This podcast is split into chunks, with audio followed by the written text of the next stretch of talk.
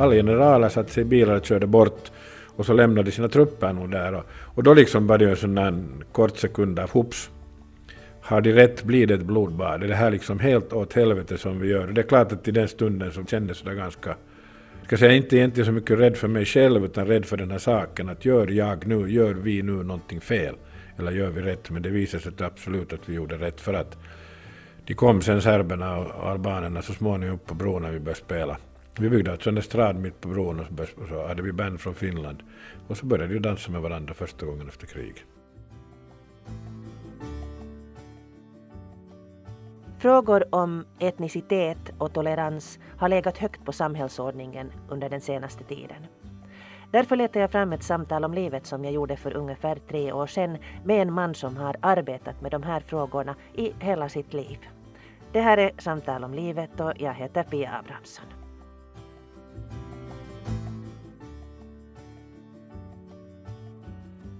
Mannen bakom Faces, etnofestivalen som har blivit berömd långt utanför landets gränser och som också har väckt en hel del tankar och känslor hos människor som har besökt den.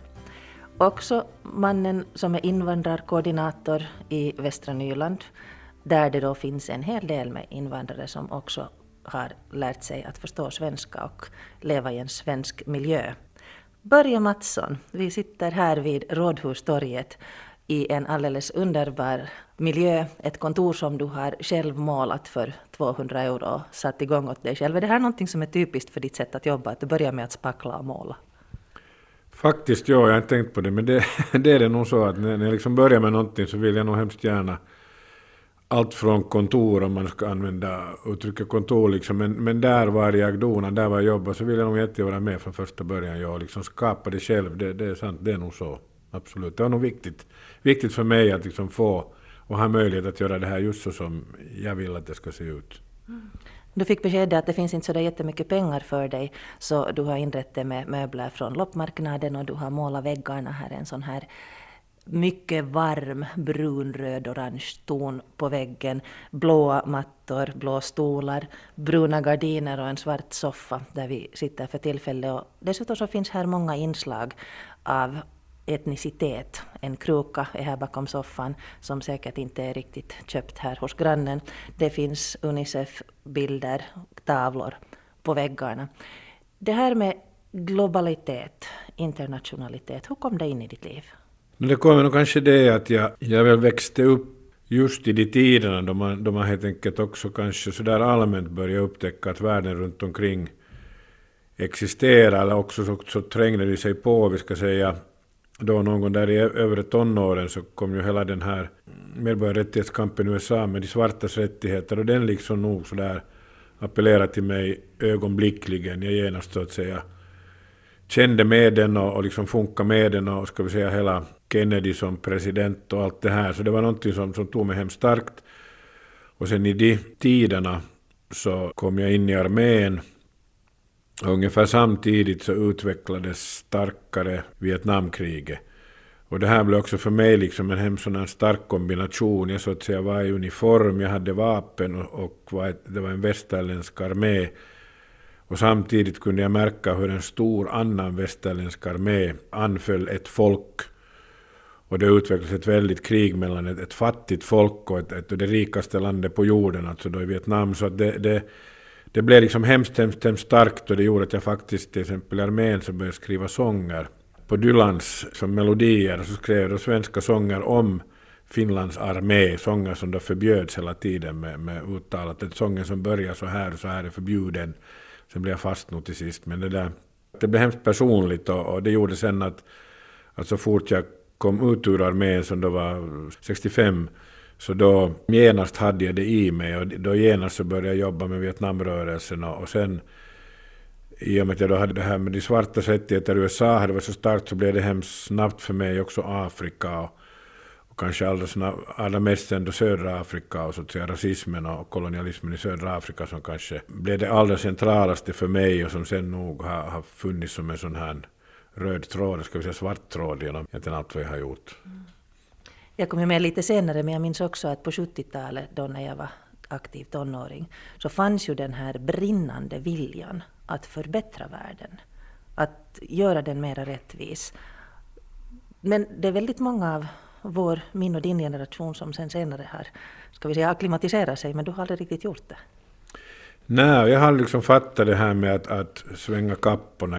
Jag upplever att det som man liksom satt igång med på 60-talet, för det började liksom redan på 60-talet och jag var ju med med alla de här studentockupationerna och så vidare. Och sen då just in på 70-talet så blev det ännu starkare det här med solidaritetsrörelsen just med södra Afrika alltjämt då Vietnam och sen det kom ju både, det var både Grekland och det var Chile 73 och sånt här som ju alla var liksom mycket, mycket, mycket starka som nu kan säga att, att jag engagera mig sådär hundraprocentigt samtidigt som jag försökte låtsas studera.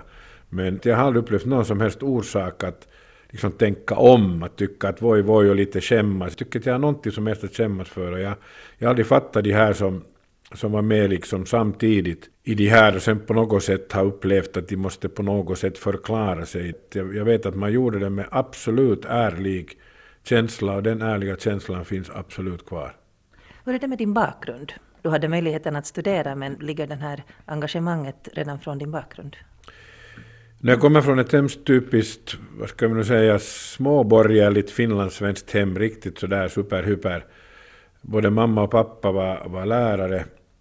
Och, och, det där, så det var, det var liksom nog ett intellektuellt hem, men det var också ett de var nog lärare på sitt sätt hemma också, de skulle nog fostra oss, och det är jag nog sabla tacksam över. Att säga att jag har haft underbara föräldrar, fantastiska föräldrar. De hade de hade sin bild av världen men de var liksom lärare, de förstod att man växte och det gjorde att jag hade liksom utrymme på ett sätt som jag inte alls är säker på att jag själv skulle kunna lyckas lika bra som de ger åt mina barn. Jag hade utrymme att få riktigt vara mig själv.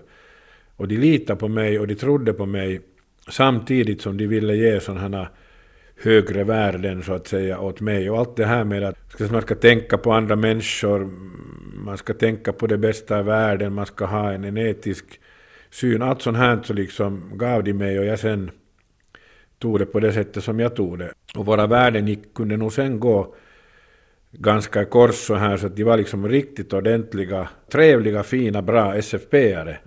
Och, och eh, bland det värsta som fanns på jorden var ju Ryssland och ännu värre var, var kommunister och, och det här med befrielsekamp i södra Afrika var nog ganska hurja och lite sådär.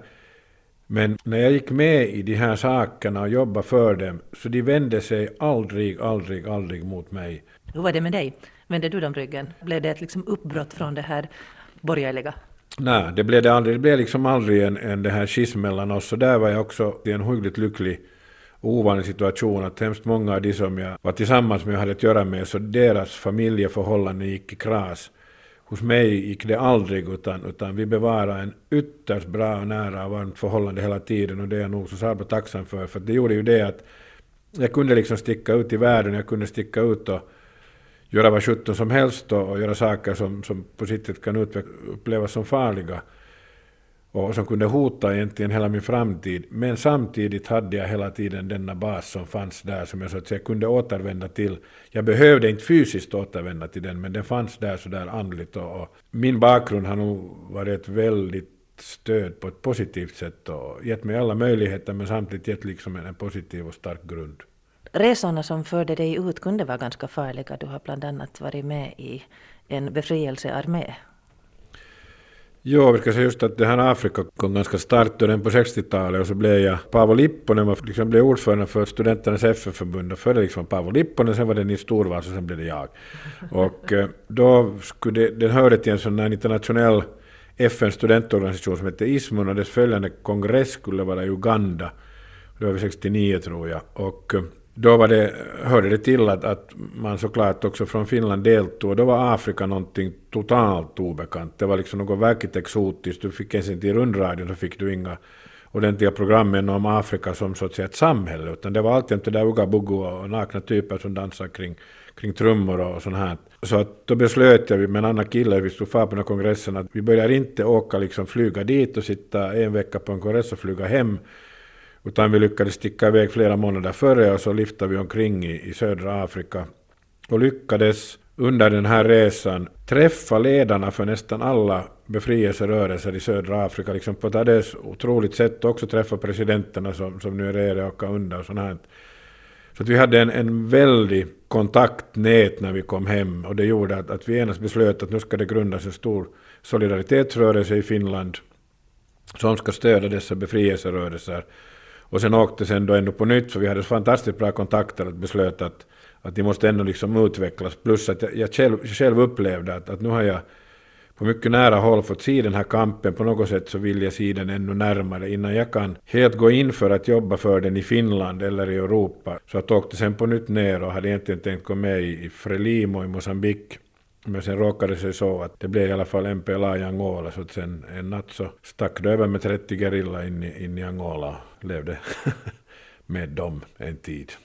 Var du alltså tvungen att slåss, skjuta folk? Ja och nej, alltså jag fick välja. De sa att jag ville vara med dem, jag ville uppleva hur det var, jag ville se det och då frågade jag att vill jag ta vapen eller inte. Och då sa jag att jo, jag tar vapen av den enkla orsaken. Jag tyckte att går jag med dit så måste jag vara på samma villkor som de och, och hamnar vi illa ute och fienden anfaller så ska jag inte liksom vara någon som ska springa omkring och skrika observatör eller, eller neutral eller press eller vad sjutton som helst. Är jag där så ska jag behandlas på samma sätt och därför tog jag vapen inte för att skjuta utan för att, man kan väl till och med säga att, att bli skjuten lika väl som de. Det hade faktiskt en, spridits en, en information, det fanns agenter inom MPLA och de hade spritt till CIA information om att det finns två ryska rådgivare det här fick jag nämligen höra senare när jag var i Nejlika-revolutionen i Portugal, så träffade jag officerare som berättade att då det spritts och då fick de alltså order om att de här två ska dödas, de här ryska rådgivarna, och så ska de visas för internationella pressen. Och med det vill säga jag bevisa att befrielserörelsen leds av Sovjet. Så därför är vi så förvånade när vi hela tiden blir anfallna av helikopter och jetplan och, och då det var en lång, eh, överlång torkperiod och till exempel när vi skulle gå över någon sån här flod som kunde vara 5-6 kilometer bred så plaskade du där i leran och i och med att det var torrt så fanns det ingen skydd och sen när, när jaktplanen anfaller och började skjuta raketer på oss och då kunde du se kanske när granaten träffar någon som du har promenerat med i många dagar och så vidare så då är det klart att nu sköt jag på de här flygplanen, träffar man ju dem men att nu sköt jag på dem, det var helt klart. Mm. Om man tänker då Lipponen och, och Torvalds så de har ju båda valt ska vi säga, en, en framträdande politisk karriär här i Finland varför blev det så för dig då att det blev mera det här att räcka runt till olika ställen och vara med där det händer? Är det roligt? No, visst sjutton är det roligt, ja. Jag tror nog att jag har fått mycket mera än, än Lipponen har säkert rest mer än jag, men Lipponens resor är nog alltid likadana, det är inte mina. men, men ändå mer är det nog det att jag liksom märkt att kanske riktigt en sån här partipolitik, det passar mig inte, jag kan liksom inte tänka mig på det sättet att det här, just det här partiet är det underbara, fantastiska, det har alltid rätt och alla andra partier är korkade. Jag har samarbeten och jag har nätverk med människor som kanske ser på livet och på världen på ett visst sätt och de kan finnas i hemskt många olika partier. Så att det har liksom passat mig, jag kan gå in i en sån här partidisciplin och ett och tre tänka helt enkelt på ett sätt. Och jag har nog varit med i flera val. Men jag har inte kunnat liksom, jag kan inte dra de här valkampanjerna så som man ska dra valkampanjer och säga att jag är liksom förbannat bra, hurra, hurra, hurra, rösta på mig och alla andra är korkade. Jag kan inte stå och snacka sånt här, det, det, det passar inte alls mig. Så därför, för mig passar liksom medborgarverksamheten, medborgarrörelsen. Eh, det, det är dit jag hör. Mm. Är du någonsin rädd? Jo, det är klart. Nu var jag rädd flera gånger i, i det där, till exempel i Angola och, och vi ska sen ordna konsert nu här i, i Kosovo för några år sedan, i Mitrovicens stad som är delad på ena den en å som går mitt i stan och på norra sidan finns bara serber numera. Tyvärr så var det inte tidigare i stan och i söder bara albaner. Och sen lyckades då förhandla med FN och förhandla med, med UNMIK som då alltså leder Kosovo från FNs sida. Och med alla de andra, polisen och sen alltså fick både träffade underjordiskt, de här serberna och så vidare, fick liksom avtal om att vi ska dona en konsert mitt på bron och fick sen att pansarvagnar och annat drog sig bort. Och till exempel när sen, det var, det var franska generaler, det, det liksom franska trupper som var KFO-trupperna där. Och sen när de här franska generalerna sa att now we are leaving you, att det här kommer att bli ett blodbad. Att vi vet inte hur i helvete de har gett oss det rätt att göra det här, men vi tar inget ansvar så vi sticker nu. Så att alla, alla generaler satte sig i bilar och körde bort. Och så lämnade sina trupper nog där. Och, och då liksom var det en sån där kort sekund av hoops har de rätt blir det ett blodbad. Är det här liksom helt åt helvete som vi gör? Det är klart att i den stunden så kändes det ganska... Då skulle du upp på scenen och börja prata om fred och vänskap? Ja, precis. Och, och det där och de hade fel och vi hade rätt. Men det är klart att då just så, så kändes det nog att, att jag är inte egentligen så mycket rädd för mig själv utan rädd för den här saken att gör jag nu, gör vi nu någonting fel? Eller gör vi rätt? Men det visade sig absolut att vi gjorde rätt för att de kom sen serberna och albanerna så småningom upp på bron när vi började spela. Vi byggde alltså en estrad mitt på bron och så, började, och så hade vi band från Finland. Och så började vi dansa med varandra första gången efter krig. Det låter ganska fint. Ja, det var, det var nog hårda. Den känslan gick sen upp på, på den serbiska sidan och där är en backe, liksom en gata gick upp på en kulle och så ställde jag mig, det var kanske tolv på natten då eller något sånt här, och tittade ner på den här bron.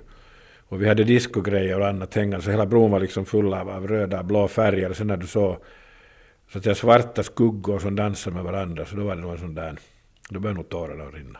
Mm. Är det, någonting, är det någon inre övertygelse som driver dig? Är det Gud eller är det tron på människans godhet? Vad är det som gör att du... Jag förstår att en sån här upplevelse är ju förstås sen efteråt belöningen, men vad är det som gör att du vill prova? Nu är det helt och kort och enkelt det att, och det är väl kanske en av de bästa egenskaperna jag har, är det att jag liksom i en komplicerad situation så kan jag se möjligheterna. Och när jag ser de här möjligheterna och ser att hej, jag tror inte riktigt på den här negativa bilden.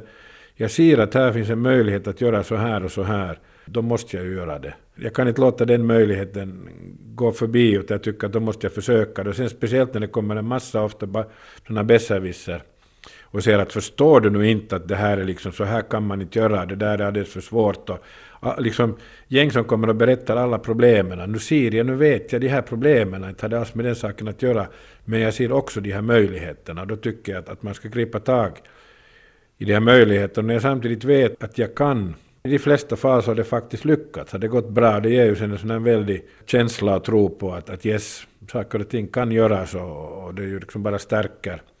Så det är inte på det sättet vi ska säga det liksom inte, jag sätter inte sådana här stora ord att tror på människans godhet eller någonting sånt här. Jag tror på människan, ja, liksom, människan är sjuttons bra, människan är också sjuttons dålig. Det finns inom oss alla liksom sabla otroligt negativa, hemska drag, men det finns också väldigt positiva drag.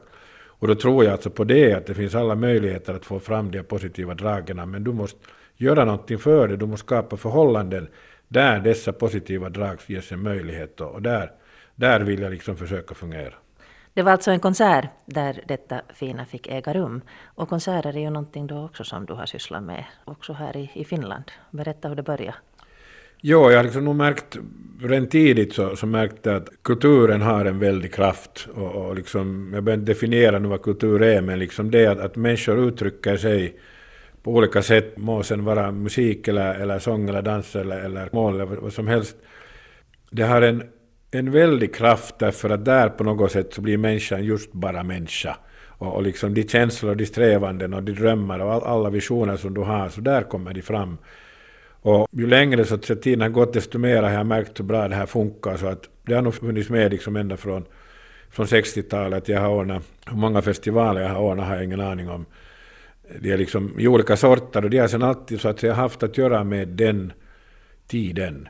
Så det då i tiden har varit festivaler som har haft att göra med, med kärnvapen. Eller det har varit festivaler som har kunnat ha att göra med, med miljö. Eller det hade sen i slutet på 80-talet så hade det att göra med så att säga, motsättningar mellan öst och väst.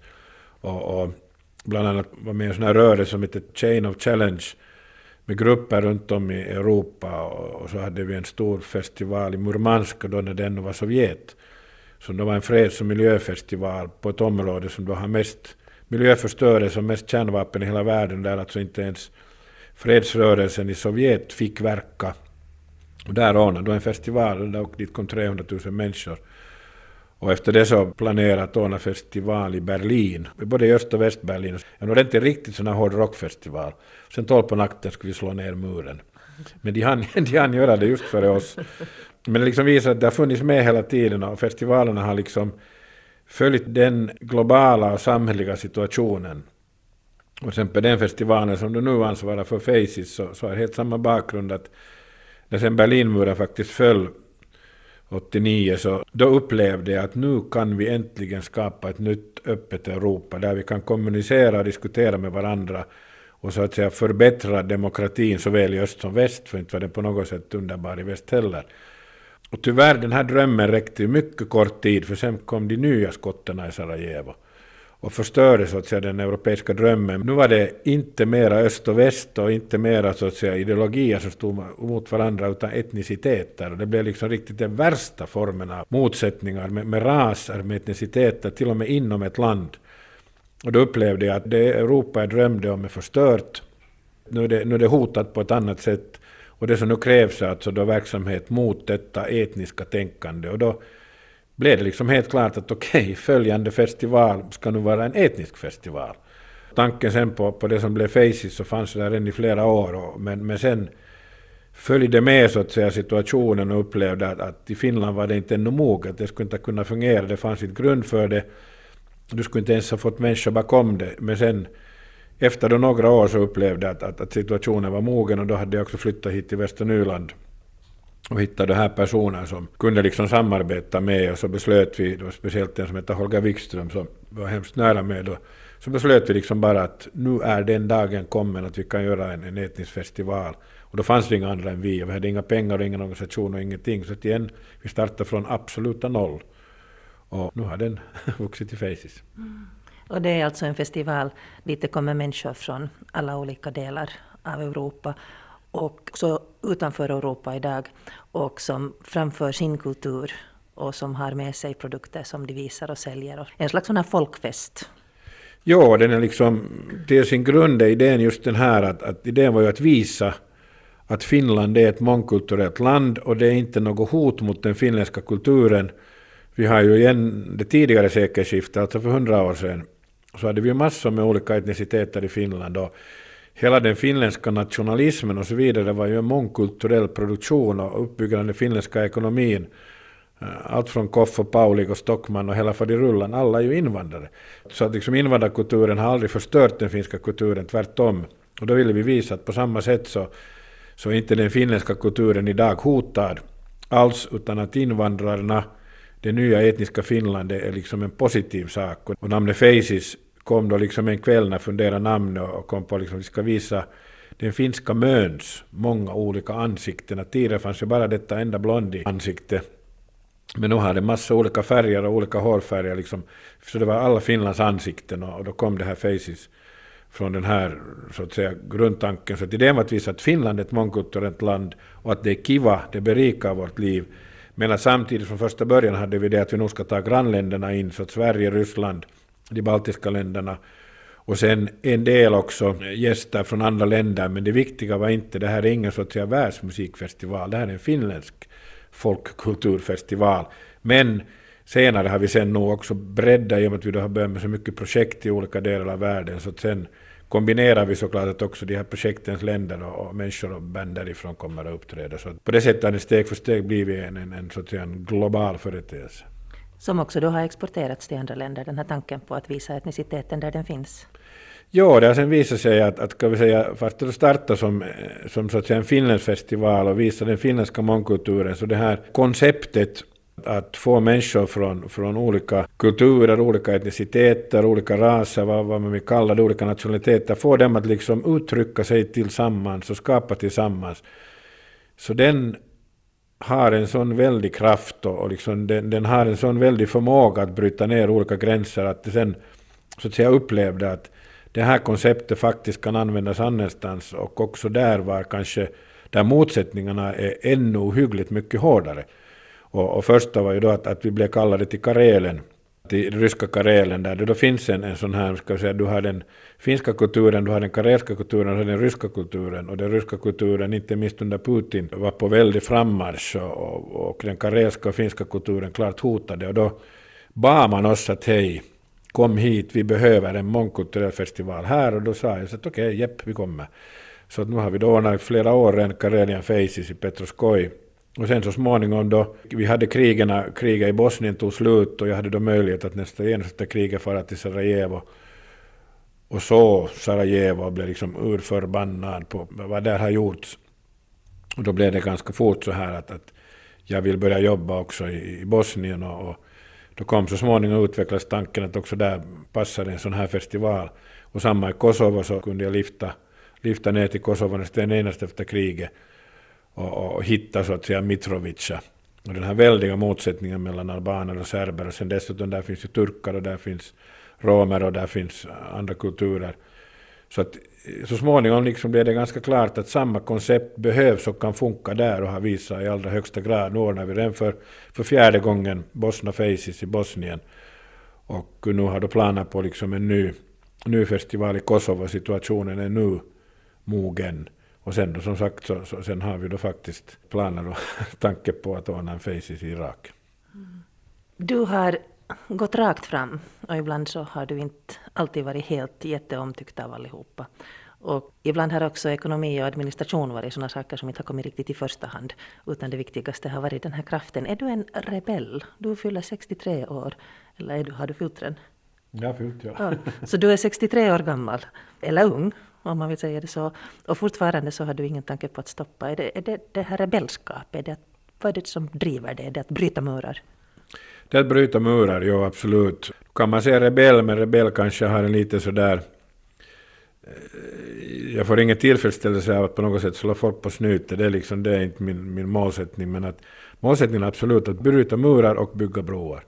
Att det finns nog liksom båda där, men ofta så måste du först bryta murar innan du kan bygga de här broarna. Det är nog beredd liksom att göra och har säkert gjort, och precis som du säger, så det betyder nog att också finns många som inte tycker om mig.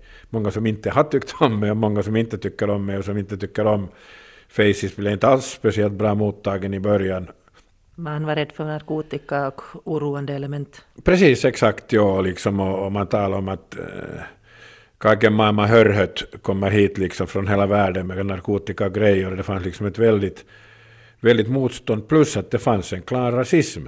Man ville inte ha hit alla dessa andra raser som stör detta söta trevliga Västra Nyland. Och, och det fick en också liksom känna av så att, så att på det sättet har man också fått människor emot sig och det finns alltid utan tvivel det kan man ju se på både väl allmänna spalter och inte minst på rundradions hemsida så dyker det upp alla möjliga skriverier så att det finns alltid folk som inte tycker om sån här verksamhet och det, det är beklagligt men det är liksom inte min målsättning är inte att inte folk ska tycka om, jag har som sagt ingen, ingen strävan att göra folk arga, men om jag upplever liksom att det är något som är viktigt att kan och bör göras och, och jag har möjlighet att göra det så då eh, låter jag nog inte det att sen en del kanske inte tycker om det och speciellt inte tycker om mig så det, så det låter jag nog inte vara en avgörande, avgörande hindret. Viktigare att tycka om sig själv? På sitt sätt ja, viktigare precis det är väl kanske det som är det, kan vi säga, en av de viktigaste sakerna i livet, att, att du försöker fungera på det sättet att du är i balans med dig själv och tycker att jag gör det som, som jag så att säga bör göra och jag är hederlig med mig själv och inte där låter så att säga rädslor eller, eller omgivning påverka. Och sen samtidigt så kan jag inte låta bli att, att tycka en sån där, som kan upplevas som en fras, men vi har en fantastisk värld omkring oss. Att ibland så blir man kommer till exempel i Sydafrika finns ett sånt ställe där på vid Indiska oceanen, en vän som har ett sommarställe. Och där på något sätt vet jag, jag känt det speciellt när man har kunnat sitta där sådana väldiga sandstränder, det är liksom inga beacher, det är inte någon sån här turistpajka. Och när man sitter där och liksom, och du går längs den här sandstranden och du ser alla de här snäckorna och grejerna, så liksom får du en sån här bild av att hur oändligt vacker, hur oändligt fantastisk, hur oändligt mångfaldig och rik liksom vår värld den är, den är, den är ett under. Och, och hur samtidigt det att, att vi får leva i en sån värld och, och liksom ha ett liv. Det finns sådana ohyggligt stora möjligheter, det finns så mycket att se och uppleva. Och då upplever jag också att det ska man nog försöka göra, att sitta på sin rumpa instängd någonstans. Om du har möjlighet att göra något annat så ska du nog sjutton göra det, när, när, om du kan, kan och får och inte liksom slösa bort allt det ohyggligt fina som finns.